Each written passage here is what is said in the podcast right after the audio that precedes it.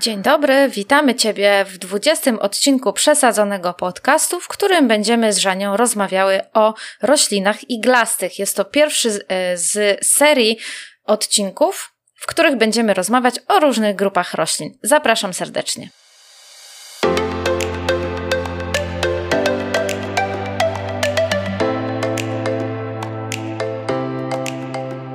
Co dzień jesteśmy projektantkami ogrodów. To nie tylko nasza praca, ale nasza wielka pasja.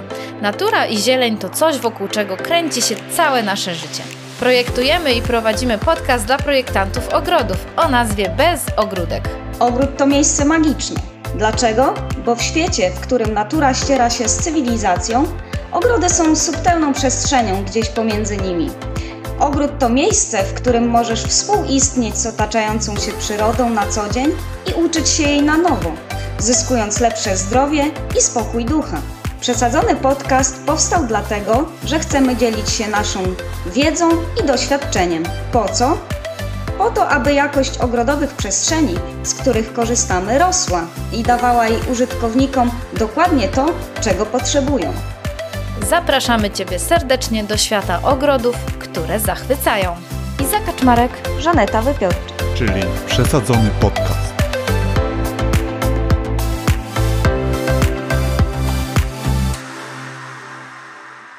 Cześć Żania. Cześć Iza, hej. Postanowiłyśmy nagrać taką serię odcinków o różnych grupach roślin, żeby przybliżyć naszym słuchaczom i słuchaczkom różne grupy roślin właśnie, ze względu na to, że stosujemy tak naprawdę w nasadzeniach w ogrodach różne grupy, które bardzo różnią się od siebie i chciałybyśmy Wam przybliżyć je, żebyście stosowali je bardziej świadomie i z większymi sukcesami wykorzystywali te rośliny do planowania swoich nasadzeń. Dzisiaj będziemy mówić o roślinach iglastych. I co Wam możemy powiedzieć na początek?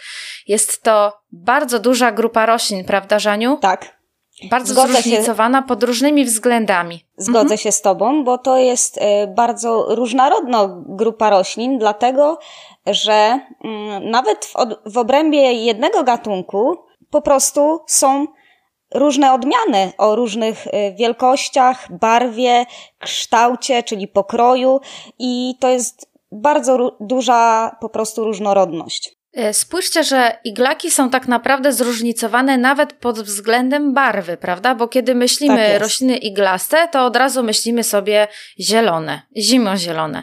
No tak, owszem, ale tak naprawdę wśród iglaków znajdziemy zarówno iglaki, które są o zabarwieniu em, takim ciemnozielonym, taka butelkowa zieleń. Tak. Może to być też zieleń o odcieniu niebieskim, srebrnym, e, może to być też zieleń wpadająca w żółty, prawda? Więc to nawet e, ze względu na ten kolor, iglaki są bardzo różne od siebie. Tak jest. Tak jak mówisz, jest to grupa roślin zimozielonych, ale oczywiście jeszcze istnieją e, wyjątki, takie jak na przykład modrzew, prawda? Jest gatunkiem, który gubi swoje igły na e, zimę. Jesienią się przebarwiają najpierw na kolor żółty, a następnie opadają na zimę. Tak samo jest w przypadku cypryśnika czy metasekwoi i e, należy o tym pamiętać, tak? Miłożąb jest e, też przepięknym przecież gatunkiem e, chiński i dwuklapowy, inaczej To w zwany. ogóle taka wyjątkowa roślina, Tak, ona prawda? jest bardzo Wyjątkowa egzotyczna roślina. i Mhm. naprawdę wyjątkowa sama w sobie, tak jak mówisz. I również przebarwiają się liście jesienią na żółto i również miłożąb je gubi. Więc to jest kolejny wyjątek od, y, od tego, że nie każdy iglak jest rośliną zimozieloną. I należy o tym pamiętać. Wiesz co, ja też myślę, że te akurat dwa, dwie rośliny, które wymieniłaś, czyli modrzew i miłożąb, Tak. to są właśnie rośliny, które bardzo fajnie mieć w swoim ogrodzie ze względu na to, co dzieje się z nimi jesienią, bo to są przepięknie przebarwiające się rośliny jesienią, prawda? A miłożęby na taki naprawdę intensywny żółty kolor, no są po prostu jesienią przepiękne. Wiesz, to, co powiedziałaś, że tak naprawdę iglaki nawet, nawet w obrębie jednego gatunku są bardzo zróżnicowane. I spójrzmy na przykład na pierwszą z brzegu sosnę, tak, że mhm. wśród y, sosen znajdziemy zarówno tą taką sosnę, którą znamy mm, z lasu, która może mieć nawet tak. pewnie z 25 metrów wysokości. Nawet i 40. Ale zna... Ta pospolita taka mówisz, nawet więcej. która występuje w lasach, tak. jest częstym gatunkiem lasotwórczym, tak? I? Tak. Karłową. Ale znajdziemy także na przykład karłowe, e, karłowe sosny, na przykład sosny górskie, tak? E, więc to zróżnicowanie, więc, więc jak ktoś zapyta, ile jaką wysokość może mieć sosna. No to od 40 centymetrów do 40 metrów tak naprawdę, nie? Zobacz, w zasadzie, że... w zas- yy, nawet nie gatunku, tylko tu mówimy o, yy, yy, no tak, rodzaj omawiamy i, i dany gatunek, ale te, y, tak, rozmiary faktycznie się mogą różnić bardzo od siebie i należy po prostu brać to pod uwagę, nie? Ja bym powiedziała, jeśli chodzi o iglaki, że też taką jedną rzecz, że jakby ja widzę to, że pokutuje takie przekonanie, że iglaki to jest taka bardzo mało, mało wymagająca e, pod względem siedliskowym grupa roślin. Że one niczego nie potrzebują, że one nie potrzebują wody, że one nie są wymagające, jeśli chodzi o siedlisko. Mhm. I tutaj byśmy pewnie chciały rozwiać to przekonanie, dlatego że no nie do końca tak jest. I w ogóle, tak jak mówimy Wam, że że iglaki są zróżnicowane pod względem koloru, pod względem wysokości, ale one są również e, zróżnicowane pod względem wymagań. I tak naprawdę Oczywiście. wśród iglaków znajdziemy również rośliny, które mm, wcale nie chcą być na słońcu, tak jak mamy też takie przekonanie, że iglaki to rośliny tylko na słoneczne stanowiska, ale są też iglaki, które świetnie czują się w cieniu, a nawet yy, i półcieniu, tak? Są też takie. I tak naprawdę też wcale tak nie jest, że iglaki nie potrzebują wody, bo owszem, wśród roślin iglastych znajdziemy takie, które są takimi pionierskimi wręcz gatunkami, typu na przykład kosodrzewina, tak? która nie potrzebuje dużo podlewania i w ogóle radzi sobie w takich dosyć tak naprawdę ekstremalnych siedliskach. No i ale znajdziemy i, także chociażby. I sosny tak. i jałowce chociażby na suchym stanowisku tak. sobie bardzo dobrze dają radę. Na suchym. Tak? Ale, Piaszczystym. Tak. Mhm. Ale jest tak. znaczna większość gatunków, które y, preferują jednak wilgotne podłoże, tak? i mhm. bardzo popularne choćby, tu żywotniki. Choćby ta nasza popularna tuja. Tak. tak, właśnie to chciałam powiedzieć. I w ogóle zobacz, że właśnie wśród iglaków są te dwie grupy, które tak trochę zawojowały ogrody w ostatnich tam kilkunastu mhm. latach i to są właśnie cyp cyprysiki i to są właśnie żywotniki e, w różnych odmianach, tak? I tutaj właśnie też panuje to przekonanie, że no tu ja to tak rośnie jak chwast praktycznie, że niczego nie potrzebuje. Tymczasem wcale tak nie jest i tak naprawdę tuje wymagają wilgotnego siedliska, wilgotnego, wilgotnej cały czas gleby, tak? Więc to nie jest tak, że sadzimy sobie tuje i zapominamy i w ogóle nic z tym nie trzeba robić. I wiesz co tu jest jeszcze ważne, o czym należy pamiętać, że ludzie zaraz jak posadzą te, ten żywopłot stój, no najczęściej jest to szmaragd albo brabant, odmiana, tak, no to nawet zapominają o tym, żeby yy, dość obficie na początku je podlewać, co jest niezwykle ważne do tego, by ta roślina po prostu się nam ukorzeniła w naszym ogrodzie, tak? I ludzie, tak jak mówisz, myślą, że posadzą i, i z głowy i nawet iglaki są y, bezobsługowe, to nic nie trzeba przy nich robić. Nie, tak nie jest. Musimy właśnie rozwiać te panujące opinie no po prostu. Tak, także słuchajcie, jeżeli wybieracie iglaki, to nie jest tak wcale, że wszystkie iglaki potrzebują tego samego. One się różnią bardzo między sobą, więc wybierajcie je świadomie.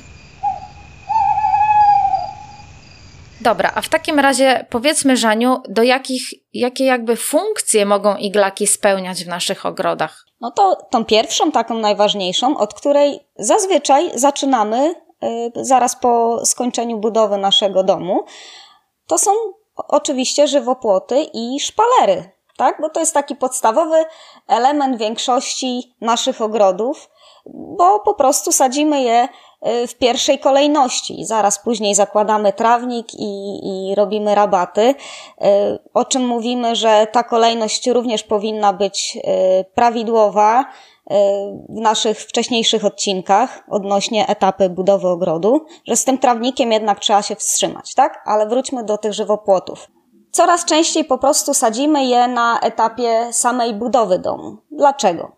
Dlatego, że to właśnie dzięki tym żywopłotom chcemy po prostu zapewnić sobie taką odrobinę intymności, ale też dają one taką mm, pewnego rodzaju bezpieczeństwo, ponieważ odgradzamy się w ten sposób y, zarówno od sąsiadów, tak, i tu też bezpieczeństwo i, i intymność, ale też od e, ulicy i pobliskiego chodnika, czy chociażby od dzikich zwierząt, jeżeli działka usytuowana jest na jakichś takich obszarach dzikich, że tak powiem, tak? Gdzieś pod lasem, czy gdzieś po prostu na no, na, polach, nawet na łąkach. w mieście są takie no miejsca, właśnie. tak, mhm. że sarenka może wpaść do ogrodu z wizytą. Oby sarenka, żeby nie dzik, wiesz o co chodzi. No, dlatego taką wersję optymistyczną tutaj założyłam.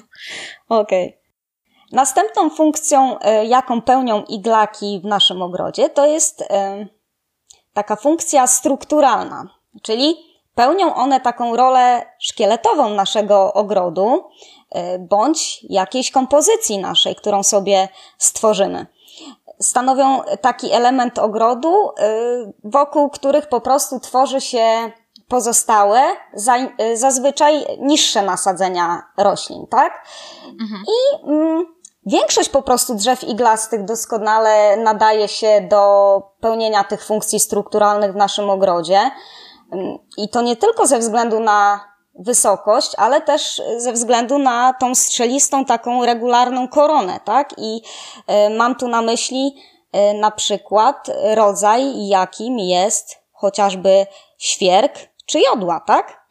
I one doskonale tą funkcję spełniają, a gatunek to już zależy, e, jaki sobie wybierzemy, bo naprawdę jest wiele gatunków, których możemy po prostu na chwilę obecną wybierać i przebierać. To od nas tak naprawdę zależy, jaki efekt chcemy uzyskać w naszym ogrodzie, prawda? Tak, spójrzcie, że te iglaki stanowią ten, tak jak ty powiedziałaś, szkielet ogrodu, właśnie dlatego, że to są rośliny zimozielone, tak? Czyli wszystkie pozostałe rośliny, które posadzicie w ogrodzie, jakieś mhm. ozdobne krzewy, byliny, w okresie, one będą się zmieniały w trakcie roku, tak? I na przykład w okresie zimowym, który u nas trwa tak naprawdę parę miesięcy, e, będą w stanie bezlistnym i nie będą zdobiły waszego ogrodu. Natomiast te iglaki cały czas pozostaną i będą właśnie wtedy takim ważnym elementem tej kompozycji, bo one tak naprawdę gdzieś tam latem, kiedy w naszych ogrodach dużo się dzieje i dużo roślin kwitnie, niespecjalnie rzucają się w oczy, tak, prawda? Stanowią, stanowią bardziej tło dla jakieś tych roślin. Tak, tak, są tłem. No i należy też. E, Oczywiście są, są wyjątki, ale y, są wyjątki, jeśli chodzi o takie bardziej naprawdę dekoracyjne, tak, gatunki, ale generalnie stanowią one takie tło, tak naprawdę, tak? Mhm. Ale właśnie czy wiesz, to jest właśnie kwestia, słuchajcie, tego wyważenia, bo nie powinniśmy zaprojektować ogrodu na przykład z samymi iglakami, no bo to będzie nieciekawe, to nie będzie się zmieniało w trakcie roku, to będzie po prostu tak. nudne. Nie będzie e, zmienności Natomiast w ogrodzie. tych iglaków, mhm. tak, nie będzie zmienności sezonowej w ogóle, natomiast iglaki powinny być zastosowane, ale w jakiejś takiej rozsądnej ilości, tak? Znowu bez iglaków, ten ogród byłby taki nieciekawy Smutny. w tym okresie zimowym. Tak, tak. Mhm. Na odwrót, odwrotnie, poza sezonem. Tak jest. Tak, tak, tak.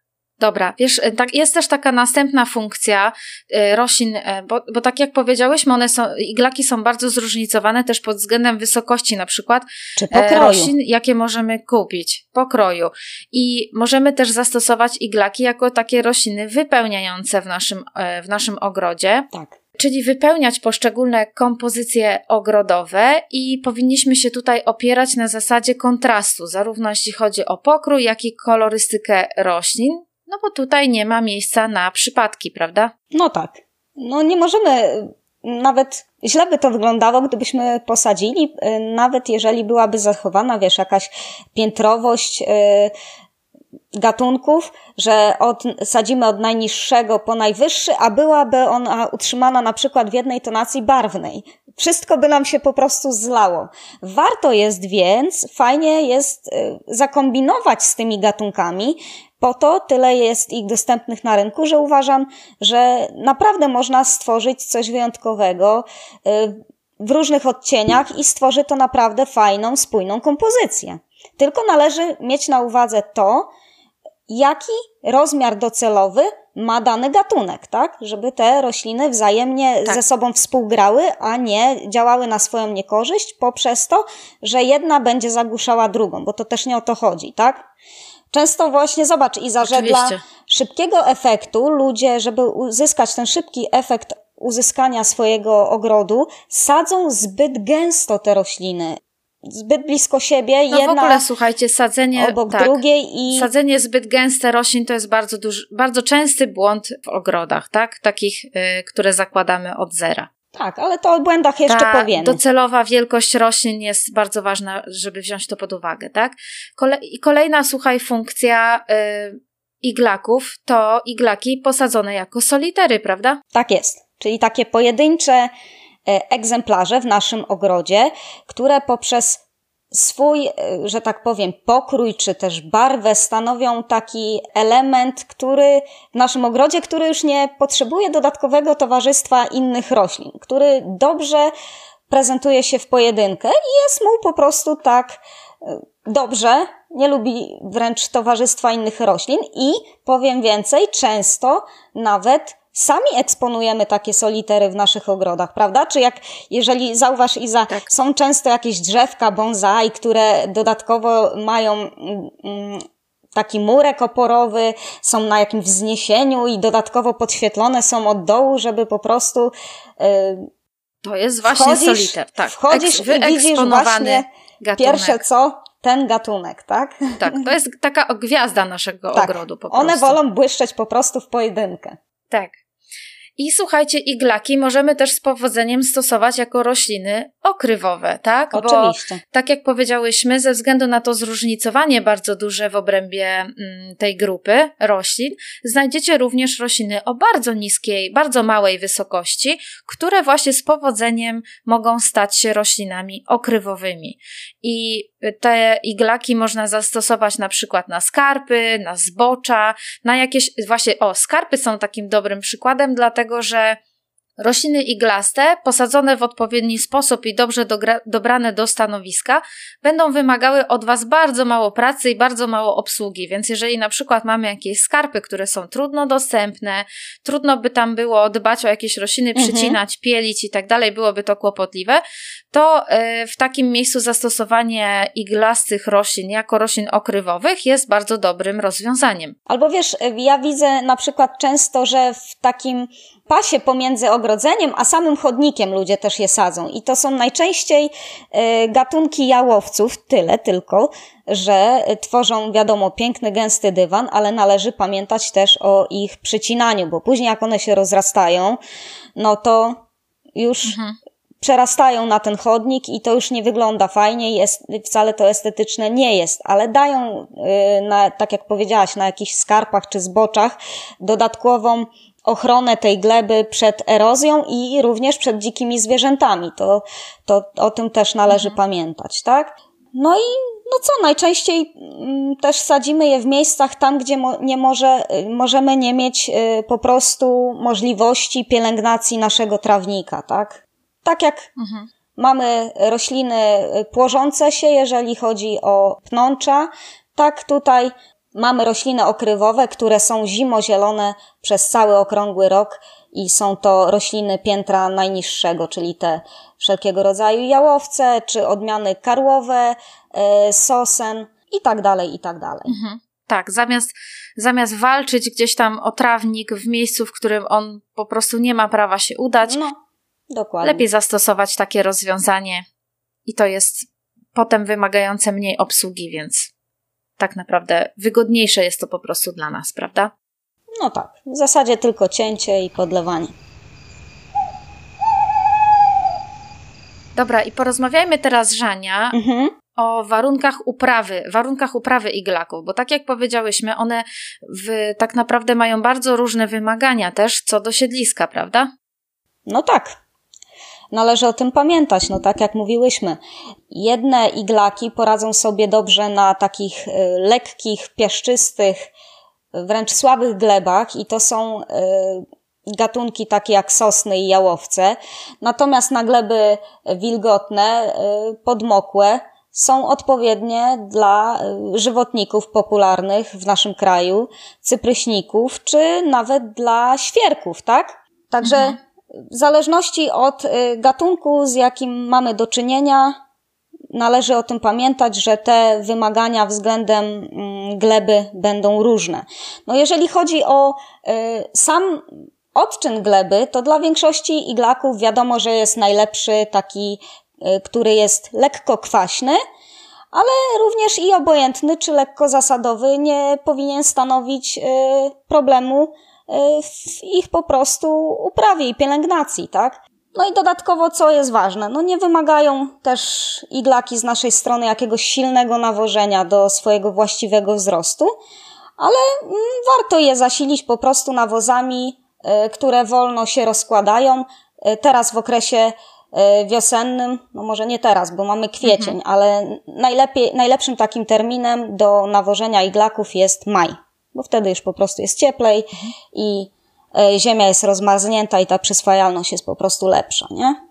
Słuchajcie, bardzo wiele osób często zastanawia się, dlaczego ich iglaki brązowieją, mhm. zwłaszcza w okresach zimowych, prawda? A, właśnie. I to dotyczy właśnie bardzo często tuj. I tutaj ja bym powiedziała Wam właśnie tak, bo z jednej strony mówimy, że iglaki nie są jakieś bardzo wymagające co do nawożenia, tak? Chociaż są na przykład wyjątki, bo na przykład cisy, cisy pospolite mhm. w takich przynajmniej, y, zwłaszcza w, takim, w takich pierwszych latach uprawy, są bardzo głodne, tak? I je się karmi naprawdę dużymi dawkami nawozowymi, podsypuje się je dolomitem chociażby. Natomiast e, jeśli chodzi o iglaki, to tutaj właśnie, na przykład właśnie te tuje, bardzo często jest tak, że właśnie zaniedbujemy podlewanie tych roślin no i tak. one, e, zaniedbujemy podlewanie tych roślin latem i te rośliny są bardzo osłabione. Potem przychodzi zima, a to też, to, to też nie są takie rośliny, które są jakoś e, super na ekstremalne stanowiska przygotowane, na ekstremalne też zimy. Jeżeli one nie są do tej zimy dobrze przygotowane, bo nie są dobrze odżywione, bo nie, nie były dobrze podlewane latem, Wtedy właśnie mamy do czynienia z tym, że przychodzi wiosna, a te iglaki są zbrązowiałe, nie są ładne, Iza, tak? I musimy jeszcze, tutaj wtedy je ratować. Jeszcze jedno chciałabym przypomnieć, bo mówisz e, latem, one tak, są już osłabione i przed tym, żeby się tego uchronić, co jest bardzo cięż, y, częstym, przepraszam, zjawiskiem, to jest coś takiego jak susza fizjologiczna, czyli coś, co mhm. występuje po prostu nagminnie w przypadku iglaków i należy pamiętać o tym, żeby jeszcze jesienią te rośliny podlewać. Dlaczego? Dlatego, że jak powiedziałyśmy na samym początku, jest to grupa roślin zimozielonych, czyli u nich proces tej transpiracji, parowania przebiega cały czas, one cały czas oddychają. I nawet jeżeli okryjemy je białą e, agrotkaniną na zimę, e, po to, żeby one po prostu nie przymarzły, żeby uchronić je przed mrozem. W miejscach, gdzie na przykład mamy naprawdę niekorzystne warunki, y, są silne wiatry, jakieś zastoiska mrozowe mhm. i tak dalej, i tak dalej, są niekorzystne warunki klimatyczne, to po prostu podlewajmy je jesienią i pamiętajmy o, to, o tym, żeby podlewać je intensywnie jesienią, jeszcze y, zwłaszcza kiedy tych opadów deszczu intensywnych nie ma. I takich długotrwałych, nawet nie chodzi o takie intensywne, nawalne, że mamy dwa dni ulewy i koniec i to wystarczy, bo to też nie o to chodzi, nie? Tak, bo słuchajcie, te rośliny zimą, jeżeli, zwłaszcza jeżeli będzie gleba zamarznięta, one nie sięgną sobie wody gdzieś tam z, z głębszych warstw gleby, tak? I po prostu będą wysychały, bo tak jak mówisz, one cały czas transpirują, a właśnie zobacz, no sadzimy na przykład mhm. te żywotniki na żywopłoty, gdzieś tam na nowo budowanych osiedlach tak. i to są właśnie takie miejsca, które bardzo często są wystawiane, wystawione mocno na wiatr. Tak. Więc wiatr wieje na te nasze biedne tuje i po prostu je wysusza w tych tak okresach tak zimowych. No właśnie, dodatkowo przychodzą mrozy i e, tak jak mówisz, e, roślina e, nie ma możliwości, by pobrać wodę po prostu już z zamarzniętej gleby. Także mhm. dajmy im do tego po prostu warunki, żeby później na wiosnę się nie zdziwić właśnie pod tą postacią, że że I po prostu cudawianki, tak, nawozy, nawozy na brązowiejące igły, tak, i, i, i trzeba tam wiadomo, walczyć, nie? Mhm. Dobra, słuchajcie, jeśli chodzi o cięcie iglaków, to należy to dostosować do cech poszczególnych rodzajów, gatunków odmian, tak? Jedne rośliny znoszą zabieg cięcia lepiej, inne gorzej. Są wręcz iglaki takie, które bardzo lubią przycinanie, mhm. tak jak na przykład ten cis na żywopłot, tak? On tak. bardzo lubi być cięty, bardzo lubi być formowany. Ciekawy też iglak na żywopłot to choina kanadyjska, coraz częściej pojawiająca się. Bardzo fajny, taki wpadający trochę może w niebieski ma odcień mhm. i jest bardzo ładna i właśnie pod wpływem cięcia regularnego bardzo ładnie się zagęszcza w taką zwartą ścianę, więc tutaj zależnie po prostu od e, gatunku, no tak? Właśnie. Zależnie od gatunku i zależnie od odmiany. A zobacz, Iza, y, nawet na grupie chyba dostałyśmy takie, na przesadzonej grupie y, takie pytanie y, od pewnej pani. Czy na żywopłot może zastosować daglezję? No można, ale należy pamiętać o jej docelowych rozmiarach. Ale często, zobacz, ludzie robią te żywopłoty również y, tak, jako zastosowanie takiego swobodnego żywopłotu y, na początku, Y, żywopłot ze świerka zwykłego, pospolitego tego, tak? A później go mhm. po prostu już przecinają i on już nie jest swobodny, tylko mhm. już jest formowany. No tak, no bo to jest bardzo silnie rosnące drzewo, tak? I tutaj, e, ale wiesz co, ja w swojej okolicy mam jeden taki mhm. żywopłot cięty regularnie ze świerka i to jest kurczę bardzo ładny żywopłot. On mi się bardzo podoba. On wygląda naprawdę fajnie. No i tak wygląda na miejscu, tak? No bo jednak jest to nasz rodzimy gatunek tutaj i on tak wygląda dobrze, tak? Mhm. Wpisuje mhm. się tak w ten krajobraz, nie? Mhm. To jest też ważne przy stosowaniu różnych iglaków. Słuchajcie, bo tak jak mówimy, tutaj jest tam mnogość e, odmian i tak dalej, ale też trzeba uważać i też zależnie od tego, w jakim stylu macie ogród i żeby żeby po prostu też nie przesadzić, tak? Bo są też takie mhm. ekstremalnie wyglądające no wiem, iglaki, bym chodzi. powiedziała, tak?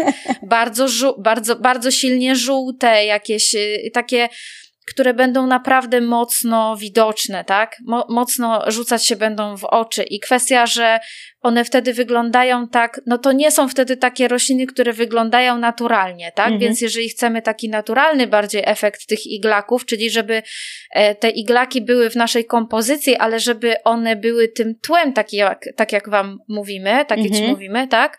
To, to, to nie wybieraj wtedy takich iglaków, które właśnie mają jakiś super żółty kolor i bardzo jakiś ciekawy pokrój i będą po prostu super rzucały się w oczy, bo to nie będzie wtedy tło, tak? To one będą wtedy trochę wyglądały tak, e, tak dziwnie. No, będą przyciągały, no, takie dziwolągi. Wiesz co? Będą przyciągały e, tak. e, uwagę tak jak e, rolą jest to tego solitera, tak? Czyli tej pojedynczo e, rosnącej rośliny w naszym ogrodzie, a to nie o to chodzi. Tak jak mówimy. I Iza, Wiesz, no to, to jest też, mhm. tak. Wiesz co, chciałam powiedzieć jeszcze, bo mi myśl ucieknie. To, że iglaki gubią liście, to jest taki problem, zauważ, nie? Trzeba o tym powiedzieć, że mhm. jest coś takiego jak trwałość igieł i na przykład u e, gatunku, jakim jest sosna, ta trwałość igieł ma zazwyczaj trzech, Y, od do trzech, czterech, no maks sześciu lat w zależności od y, gatunku. Także jak wasze, zauważycie, że wasze iglaki gubią liście, to nie wpadajcie w panikę, że o Jezu, o Jezu, co teraz, bo po prostu one wytworzą nowe igły i to nie jest żaden objaw y, chorobowy, tylko zjawisko naturalne. Tak, a bardzo często na grupach jest no takie, są takie Jezu, objawy Jezu, paniki, nie? Teraz, teraz. Jezu, Jezu, zaraz zajrzałam tam i tam są igły. Tak, pryskać od razu, nawozić w ogóle katastrofa. Nie, to nie jest żadna katastrofa, one po prostu wymieniają te igły, więc nie wpadamy w panikę. W ogóle wpadanie w panikę, jakby nie zalecamy wpadania w panikę, tylko spokój nas uratuje i jak coś, to wpadajcie na przesadzoną grupę ogrodową, wysyłajcie fotkę, a my podpowiemy, co zrobić, tak? Tak jest. Dobra, teraz słuchajcie, jeśli chodzi o podlewanie, to to już trochę o tym powiedziałyśmy, mhm. tak, że to też zależnie od odmiany, bo od y, gatunku i od, y, od rodzaju rośliny, no bo na przykład ten jałowiec, którego przytoczyłaś kilka razy, tak, jest rośliną, która praktycznie bez naszego podlewania sobie świetnie poradzi, nawet na tak. piaszczystej glebie, mhm. tak, bo jest po prostu do tego przystosowany. Natomiast y, niektóre iglaki potrzebują więcej tego podlewania, choćby te tuje nasze, tak, i tutaj to musi musicie brać pod uwagę, więc po prostu nie wrzucamy wszystkich iglaków do jednego worka, tylko staramy się wybrać świadomie i zorientować, jakie, które iglaki mają potrzeby. Tak jest. I jodełka również tej wody potrzebuje troszeczkę więcej, prawda? Jest jeszcze jedna super ważna, ekstremalnie ważna funkcja iglaków w kompozycjach ogrodowych. choinka bożonarodzeniowa. No właśnie, dlatego powiedziałam o tej jodełce. Nie bez tak, powodu. my mamy nawet artykuł, artykuł, mamy słuchajcie, artykuł na blogu, gdzie wymieniłyśmy chyba 10 takich proponowanych przez nas bardzo fajnych gatunków na choinkę. I to, bo to bardzo często e, klienci na przykład jak projektujemy ogrody pytają, tak? No lubimy to mieć to drzewko z przeznaczeniem tak. na ubranie go w lampki no, i w ogóle. My tutaj Jesteśmy za, więc y, na, na blogu znajdziecie, jakie 10 roślin proponujemy i na pewno coś dla siebie wybierzecie. Dobra, i szybciutko jeszcze błędy, jakie popełniamy, jeśli chodzi o iglaki. No to po pierwsze, taki najczęstszy, z którym się spotykamy, Iza, to to przecież, że żywotnik w odmianie szmarak, ten bardzo popularny na żywopłoty, jest po prostu bezobsługowy. No nie, tak jak powiedziałyśmy na początku. On również potrzebuje odpowiedniego stanowiska i pielęgnacji z naszej strony poprzez podlewanie czy wiosenne zasilenie nawozem. Tak, słuchajcie, w ogóle no my tak w ogóle, jak obserwujemy różne grupy właśnie na Facebooku odnośnie dotyczące ogrodów, tam jest bardzo często mhm. dyskusja o w ogóle żywopłotach i o żywotnikach na żywopłot to już w ogóle często.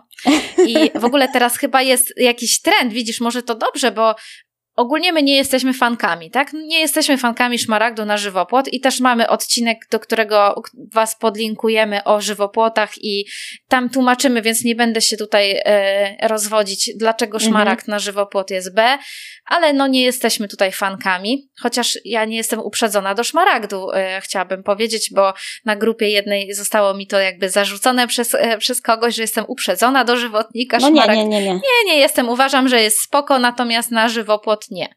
E, I tyle. Mhm. Ale tak, tutaj bardzo częstym e, błędem jest właśnie to, że myślimy, że a, a, sadzimy sobie szmaragdy, nie podlewamy ich, a potem po dwóch latach wpadamy na grupę, wysyłamy zdjęcie, kurczę, wszystkie zbrązowiały, co coś teraz robić, czym to pryskać? Mhm. Coś, coś nie wyszło, nie? Mhm. Posadzone 100, zostało 30. Także słuchajcie, to jest wymagająca tak naprawdę roślina i musimy o nią bardzo dobrze zadbać, tak? Więc jeżeli już chcecie taki żywopłot ze szmaragdu, no to go sobie posadźcie, ale po prostu zadbajcie o te rośliny, tak, żeby tak faktycznie Was cieszyły, tak, i wyglądały ładnie. Kolejnym takim błędem, Iza, to zobacz, że jest y, brak takiej znajomości, jeżeli chodzi o te docelowe rozmiary roślin. To, co powiedziałyśmy już, po prostu, że sadzimy je po prostu za gęsto na początku, tworząc nasz y, ogród i po prostu mamy nie dość, że złą proporcję względem innych roślin, to też względem naszego domu. No bo sadzimy albo gatunki y, za małe, albo wręcz odwrotnie, gatunki, które są za wielkie y, proporcjonalnie do bryły danego gatunku, da, budynku, przepraszam. Wiesz co, ja myślę, że to też jest często nie, nawet nie tyle, że brak znajomości docelowych rozmiarów roślin, tylko Trzeba taki brak pod... wiary w te rośliny. Trzeba brać to pod uwagę, że, tak? Że każda roślina ma że, swój, wiesz, swoją wysokość i docelowy pokrój. Tak. Określony, tak. Tylko wiesz o co mi chodzi, że to jest często takie, mhm. no wiem, że to jest wysoka roślina, ale kiedy ona tam urośnie? Aha. No urośnie szybciej niż myślicie. No to, to tak. jest na takiej też zasadzie, tak? Mhm. Że wiesz. Mhm. A potem, jeżeli, słuchajcie, jeżeli posadzimy coś, co jest stanowczo za wysokie, za duże do naszego ogrodu, to potem musimy z tym bardzo mocno walczyć. I na przykład potem są takie, takie potworki ogrodowe, tak? Że na przykład jest y, właśnie sosna czy świerk jakiś bardzo wysoki i dziabnięty tam 3 metry od ziemi, tak? Taki mhm. dziabnięty. On, on, nie jest, on nie jest uformowany, on nie jest ścięty, on jest tak dziabnięty. On traci wtedy swój prostu... urok i ten naturalny pokrój i po prostu, powiedzmy sobie to szczerze, Iza, on jest brzydki. On jest nieatrakcyjny wtedy, tak? Nie pełni tej funkcji. No dlatego mówię, takie ogrodowe potworki. Mhm. No więc nie, nie jest, po prostu dobieramy rośliny tak, żeby docelowe rozmiary ich były odpowiednie do naszego ogrodu, kompozycji i tak dalej, tak? Mhm. No i taki kolejny błąd to jest to, o czym chyba już pod, powiedziałyśmy, czyli brak podlewania tych roślin, zwłaszcza przed zimą, tak? tak? Nie mhm. jest tak, że iglaki nie potrzebują wody. Każda roślina Słuchajcie, jej potrzebuje. Stos... No, poza jałowcem Tak. i, i, i sosnami akurat, jeżeli chodzi o tę grupę roślin, ale jeżeli chodzi o kolejne, to będziemy to omawiać w kolejnych odcinkach. Tak, iglaki są bardzo fajną grupą roślin, bardzo przydatną w ogrodzie. Warto z nich e, korzystać, warto je poznawać i warto poznawać te, które w ogrodach mamy pod względem ich e, wymagań, żeby po prostu dopasować pielęgnację do ich wymagań. I słuchajcie, iglaki to są takie skromne w pewien sposób rośliny, tak? Które nie krzyczą do nas, jak pojedziemy do szkółki oglądać rośliny. Nie krzyczą, jakie są piękne, bo tam będą krzyczały te rośliny, które kwitną, które pachną, one będą nam się rzucały w oczy i na nie będziemy tam głównie patrzeć. Tymczasem warto się z tą grupą zapoznawać. Także Dobra, i teraz Żania, chciałyśmy jeszcze, zaplanowałyśmy sobie jeszcze tak, że ja mam przygotowane trzy moje ulubione iglaki i ty, Mhm. i to jest niespodzianka dla nas nawzajem, bo nie ustaliłyśmy, która co, No która co i jak. No, Więc rzu- rzucaj, rzucaj swoje trzy. No daję ci pierwszeństwo. Ja zaczęłam, to daję ci Okej. pierwszeństwo. no moim Ha, ha, takim, ha. takim ulubionym no jest sosna górska, czyli ta kosodrzewinka, karłowa sosenka, która y, spełni funkcję w każdym praktycznie uważam ogrodzie, utrzymanym w każdym stylu i tym takim klasycznym i bardziej nowoczesnym i takim leśnym i będzie fajnym wypełnieniem y, na nasze rabaty w miejscach, y, gdzie nie będziemy pamiętać o tym, żeby to po prostu podlewać. I fajnie wygląda z drzewami liściastymi, na przykład z, z mm, przepraszam, z brzozą, z brzozą. Też mi się podoba to zestawienie. Kolejnym takim gatunkiem, który lubię, no to jest jodła koreańska. Wiadomo, ze względu po prostu na swój pokrój i niewielkie e, rozmiary docelowe, zwłaszcza jeżeli chodzi o nasze warunki klimatyczne, tak?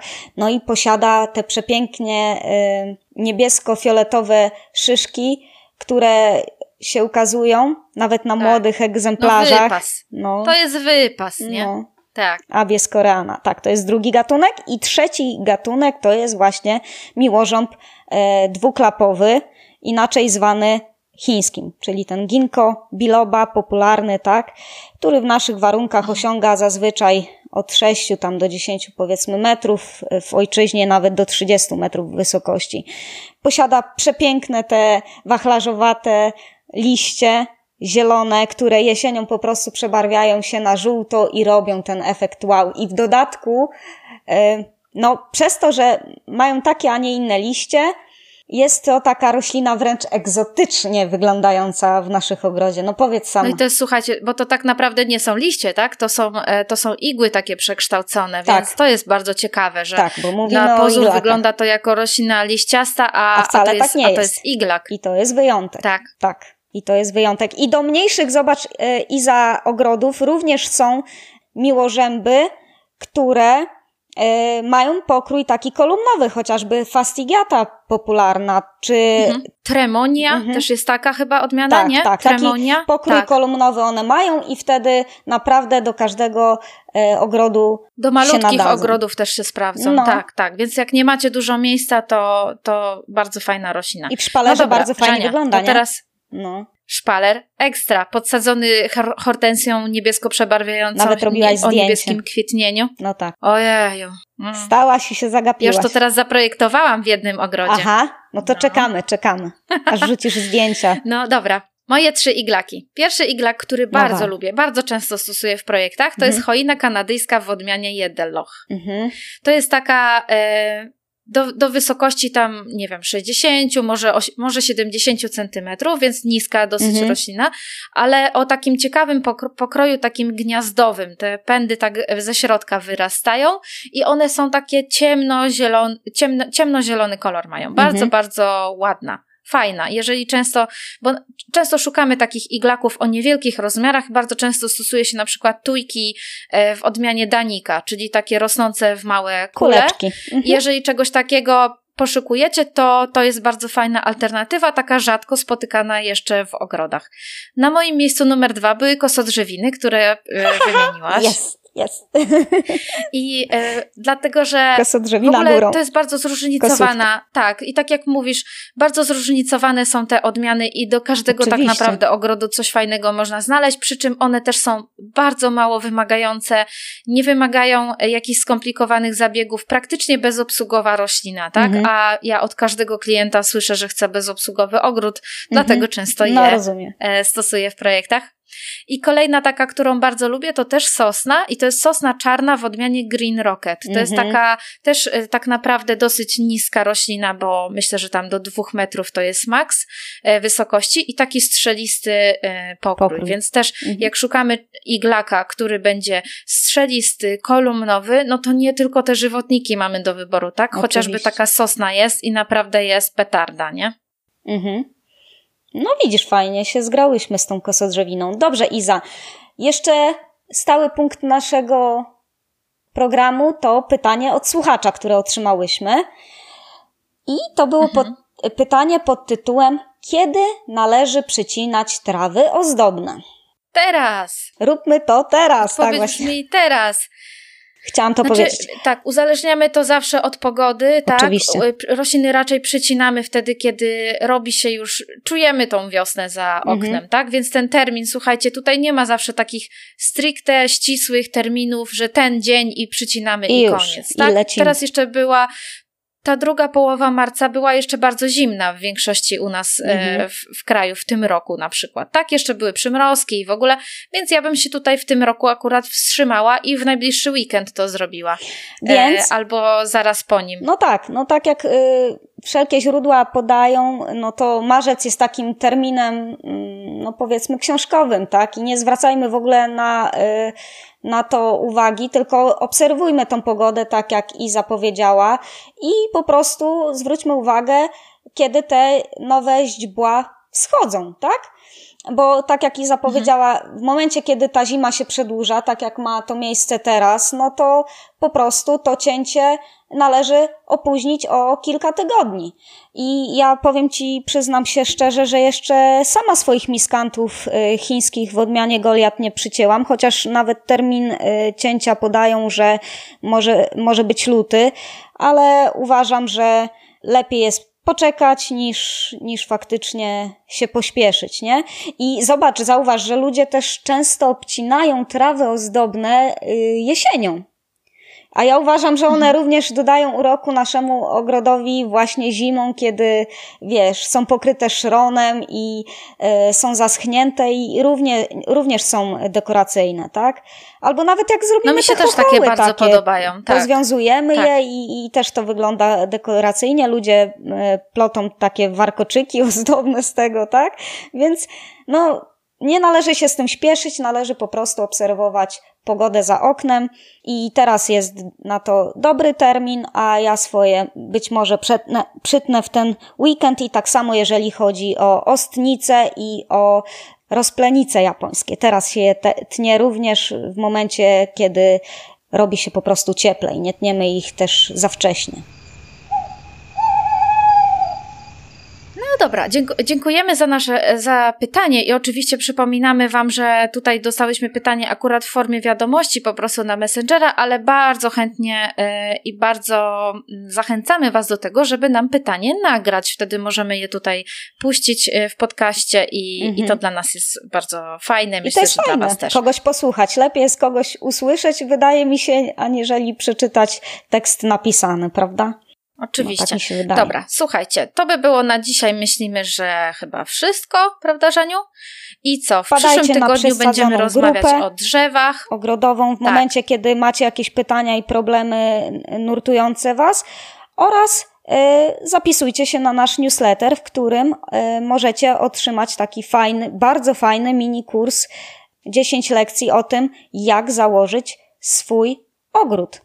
Tak, to bardzo fajna sprawa, do tego Was naprawdę zachęcamy, bo warto. E, pierwsze osoby już skończyły jakby ten kurs, bo to jest 10 e, maili od nas i, i są bardzo zadowolone, wysyłają nam fajne opinie, także naprawdę warto. I kolejna rzecz to nasi subskrybenci dostają kalendarz przygotowanego ogrodnika, tak? Co w tej miesiąc. chwili kończymy szykować kalendarz Tak na jest. kwiecień, także zaraz go e, po weekendzie będziemy do Was wysyłać, więc jeżeli chcecie tutaj e, mieć taką ściągawkę przydatną, co robić w ogrodzie w kwietniu, jak się do tego przygotować, jak się za tę pracę zabrać, to koniecznie na nasz newsletter wpadajcie i takie materiały dostaniecie wtedy od nas co miesiąc na Wasze skrzynki. Tak jest. No to co, Iza? Czekamy dobra. na wiosnę i do usłyszenia. No wiosna już jest, ja już czuję wiosnę. Dobra, do usłyszenia następnym razem. No pa! No cześć. Liście, liście, ciągle liście w tej mojej głowie. Oczywiście, że nie i że chodziło o igły. W końcu słuchacie odcinka o iglakach. Prawda?